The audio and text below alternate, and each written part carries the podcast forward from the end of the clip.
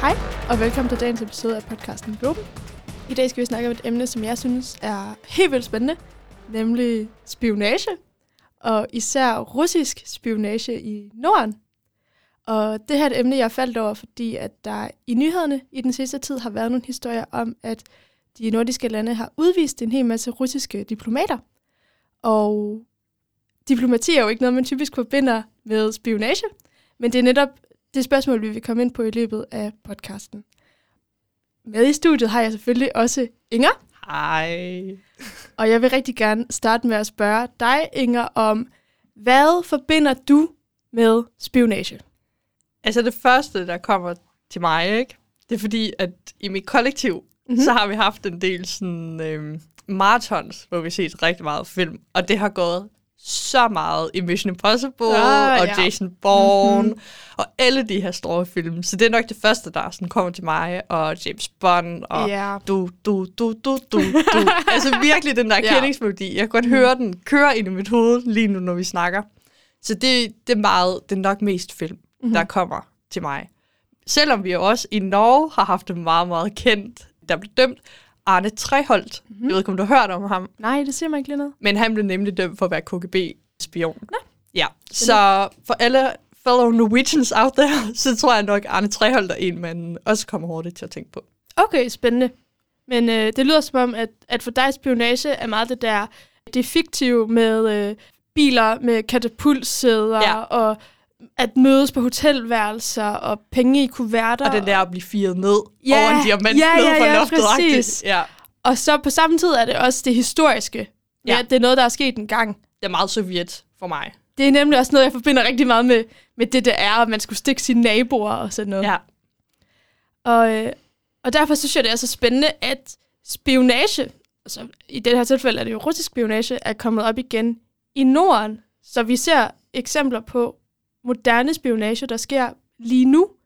Og jeg har trykket på rigtig meget af den information, jeg har med her i dag fra en ny dokumentarserie, der er udkommet fra DR, NRK, SVT og Yle, som er national-tv i Finland. For de har lavet en dokumentar, der hedder Skyggekrigen, hvor de har breaket, at russisk spionage faktisk er et kæmpestort problem i Norden. Og de fortæller, at der har været 35 russiske spioner i Norden, som de har afsløret ved at sætte øh, navne og ansigter på dem. Og de stammer fra de tre russiske efterretningstjenester. De hedder SVR, GRU og FSB, og det er de første to, SVR og GRU, som er de vigtigste. Må jeg lige spørge? Ja, selvfølgelig. Fordi jeg har også set den her dokumentar, men jeg kører lige rundt i alle de her navne. Vil du ikke lige sådan, øh, fortælle kort, hvad det står for, Ja. de her navne? Selvfølgelig. Som jeg har forstået det, så er GRU den militære efterretningstjeneste, og SVR er den politiske udenrigs efterretningstjeneste, og FSB er mere den indenrigs efterretningstjeneste, som også Nå, er grunden okay. til, at vi ikke kommer ja. til Ja. at snakke om den særlig meget i dag. Men de har faktisk alle sammen det tre til fælles, at de alle sammen stammer fra KGB, Okay, at ja. sådan, man sagde jo, at, ved faldet af Berlinmuren, og da øh, Sovjetunionen gik i opløsning, så gik KGB op i opløsning. Men der skete faktisk egentlig bare det, at de breakede ned i de her forskellige efterretningstjenester og skiftede navn.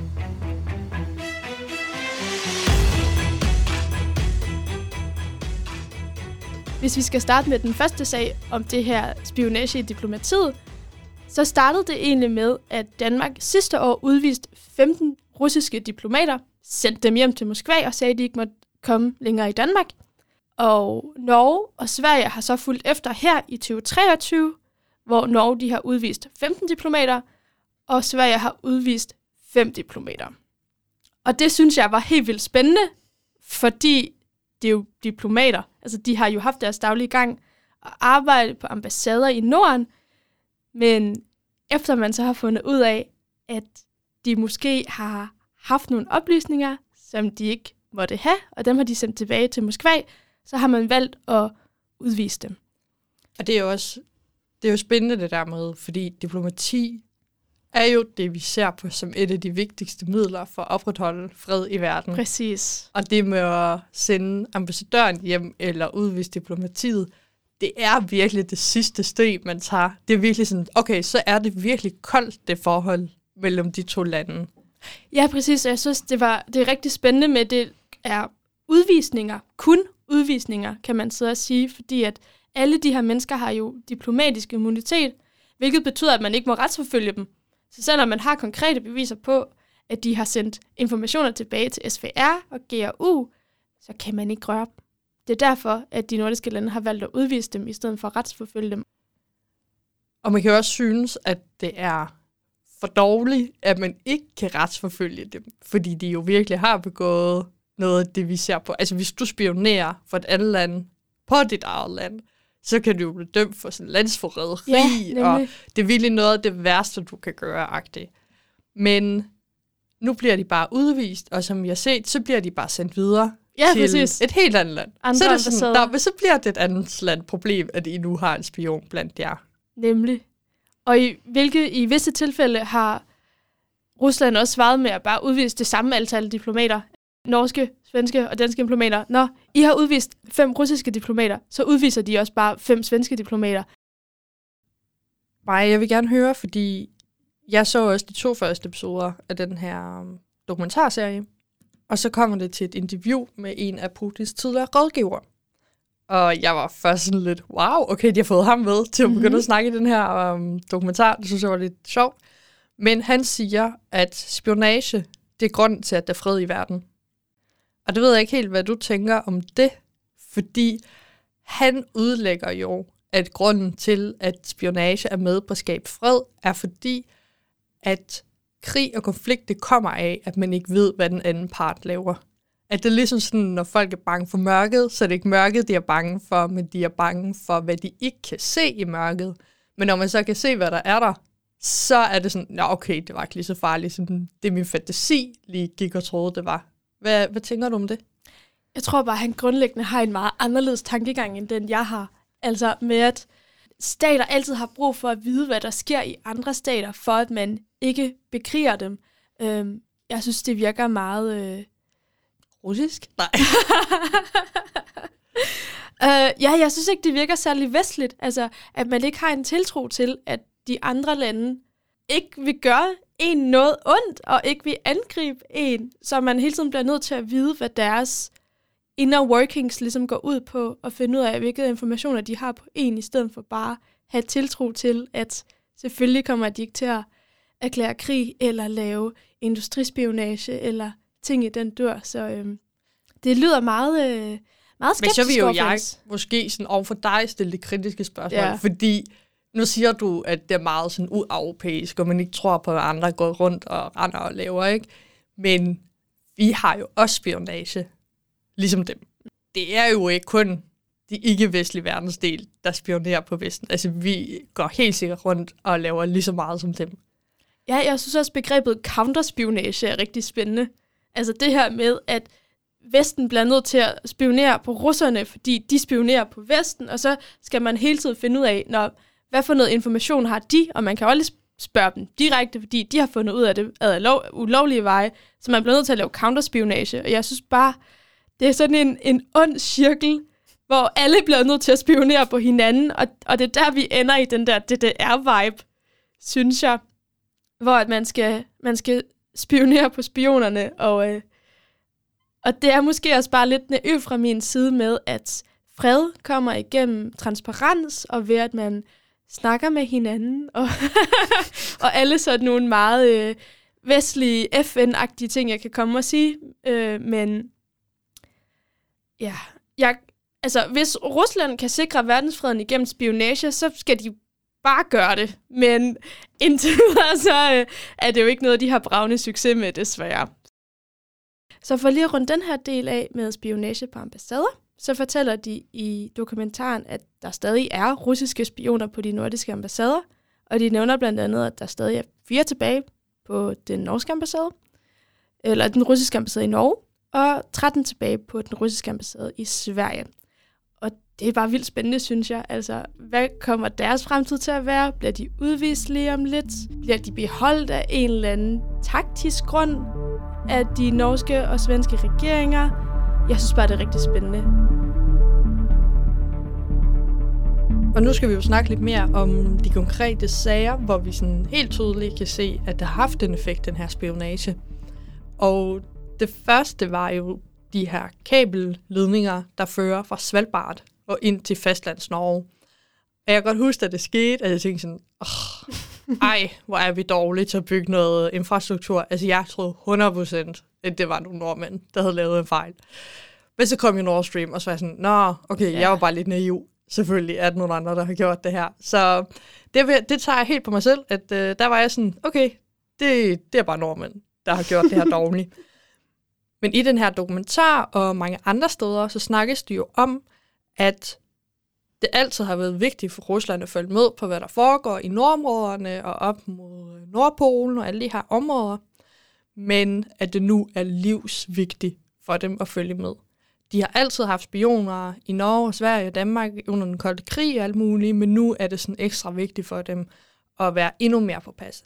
Og det er jo fordi, at Rusland grænser både til Finland og til Norge. Mm-hmm. Og de har også haft ret god kontakt med Norge, og man har set det der med, at folk de kører bare frem og tilbage deroppe i toppen af Norge, og så er det sådan, fordi blæge er mega dyrt i Rusland, så kører folk fra Rusland over i Norge, så hamstrer de blæge i Kirkenes, okay. og så kører de tilbage igen. Spændende. Så det har været meget sådan, grænsen har været meget mere diffus, end det man måske tror. Altså folk har været meget mere sådan intertwined på en eller anden måde. Og det er jo det, at man ser, hvor vigtigt det er for dem, det her med at få kontrol over Norge og vores olieledninger og gasledninger og alt det her. Ja, det er også her, jeg synes, den her russiske industrispionage i uh, Troms og Finnmark bliver vildt spændende. For jeg synes bare, det er så svært at regne ud, hvad de gerne vil have ud af området. Altså selvfølgelig, de vil gerne kigge på kabelledninger, de vil gerne kigge på satellitbilleder og andre ting, som man tager deroppe. Men hvad de skal bruge det til helt konkret, er jeg meget nysgerrig på. Og sådan har jeg det generelt med rigtig meget af den russiske spionage, der er i Norden. Altså selvfølgelig, man vil gerne have intelligence, man vil gerne have insight, men på samme tid er jeg også sådan lidt, hvad kan man få ud af Norden, som er spændende i Ukraine-konflikten? Øhm, og det siger jeg jo, fordi jeg ikke ved bedre, men det er også der, min interesse kommer fra. Altså, hvad vil man have ud af danske diplomater, som man kan bruge i Rusland? Men der er jo faktisk kommet et meget konkret eksempel på noget, som Rusland gerne vil have noget information om. Og det er vindmøllepakker. Og der har været rigtig mange russiske skibe i dansk farvande for at spionere på vindmøllepakker. Og man har konkretiseret lidt mere, at det er for, at de kan finde ud af, hvordan man kan forberede sabotage for de her vindmøllepakker. Fordi at så, hvis man hvis russerne får til sabotage på det, så kan de forstyrre vestens energiforsyning og ligesom mørklægge vores lande, hvis det er det, de egentlig har lyst til. Og det er jo også det, vi har set med Nord Stream, øh, gasledningen, som blev sprængt. Det er jo ikke kommet ud, hvem det er, der har gjort det. Man er stadig ved at undersøge det. Russerne siger, det ikke er dem, men for overblikket skyld i den her podcast, så lader vi bare lige som om, at det er russerne, der har gjort det. For at vi skal blive sådan en konspirationspodcast, ikke? Ja. Så har det jo været snak om både Rusland, der har været snak om Ukraine, ja. og der har også været snak om USA. Ja, NATO. Yes. Ja. Så sådan, men det meste peger imod Rusland. Ja, vi skal så ikke det... være konspiratorikere, og, øh, og vi trækker i land, når man, hvis man finder ud af, at det er nogle andre, der har gjort det. Men for at undersøge sagen lidt, så vi siger bare, hvis det nu er Rusland, der har gjort det, så har de jo gjort det med formålet at kunne kontrollere, hvor meget gas Europa får ind fra Rusland. Og det er jo det samme med de her vindmølleparker. Hvis de springer dem i luften, betyder det lige pludselig et, et meget drastisk stykke af levestandard i Europa, som kan komme rigtig meget øh, Rusland til gavn, fordi at så bliver de ligesom de stærke, og vi bliver dem, som afhænger af dem for at kunne at få energi til vores, til vores hverdagsliv det, de vil, er jo både det der et magtbevisen, jeg kan godt komme her og forstyrre jer, og jeg kan godt have en stor kontrol over og jeres infrastruktur, men som de også nævner, så har de jo økonomisk at sige. Fordi så betyder det, så kan de måske sælge mere af sin gas, eller det der ting, fordi jamen, så kan vi ikke producere det alligevel, og så er vi sådan, okay, det er synd for ukrainerne, men vi skal også have noget at leve af, mm-hmm. ikke? Og så, som de også nævner, er sådan, ja, hvad sker der, hvis de for eksempel lægger hele København i mørket? Eller hvis de lægger hele London børs Ja. i mørket, og der er ingenting, der fungerer. Og i dag, så er det jo ikke sådan, at vi bruger så mange fysiske penge mere, men at rigtig meget af vores økonomi afhænger af etter og nuller på en datamaskine. Ikke? Præcis. Og det er jo det, der er skræmmende, synes jeg, i det her, er sådan, hvor sårbar man er. Og det siger de jo også i den her øh, dokumentar, så siger de jo, at vi er så ekstremt sårbare, specielt England, Norge og Danmark, fordi vi har så meget kyst og så meget af vores landområder, hvis man kan sige landområder, men ligesom sokkel, vandsokkel udenom, ikke? som vi jo ikke kan kontrollere. Ja. Og som du har nævnt det der med, at de kan finde på at sprænge ting, og det siger de jo også, de her ledninger, de her små lunder, de ligger overalt, det kan man ikke opdage. Det, altså, det er umuligt. Det kan man ikke opdage, før det går af. Præcis, og jeg synes også, det var rigtig øh, uhyggeligt med, øh, hvordan russerne kan komme til at gøre det. Altså, hvis de har lyst til at en dag gå ud og, og, og springe en vindmøllepark, så, øh, så kan de gøre det meget teknisk ved, at alle skibe over en vis størrelse har noget, som hedder et AIS-signal, som skal være tændt, så man altid kan spore, hvor skibene har sejlet. Men det man så så i også øh, i eksemplet ved Nord Stream, så så vi, at deres AIS-signal var slukket. Så man har ligesom siden fundet frem til, hvilken båd man tror, det kunne være, men det har ligesom været igennem alternative metoder, og ikke ved at spore et AIS-signal. Så jeg synes det er meget utrygt, at man bare kan vælge at slukke et signal, og så gå ud og springe nogle gasledningerne og nogle vindmølleparker, og så er det vildt svært for Vesten at track, hvem som egentlig gjorde det.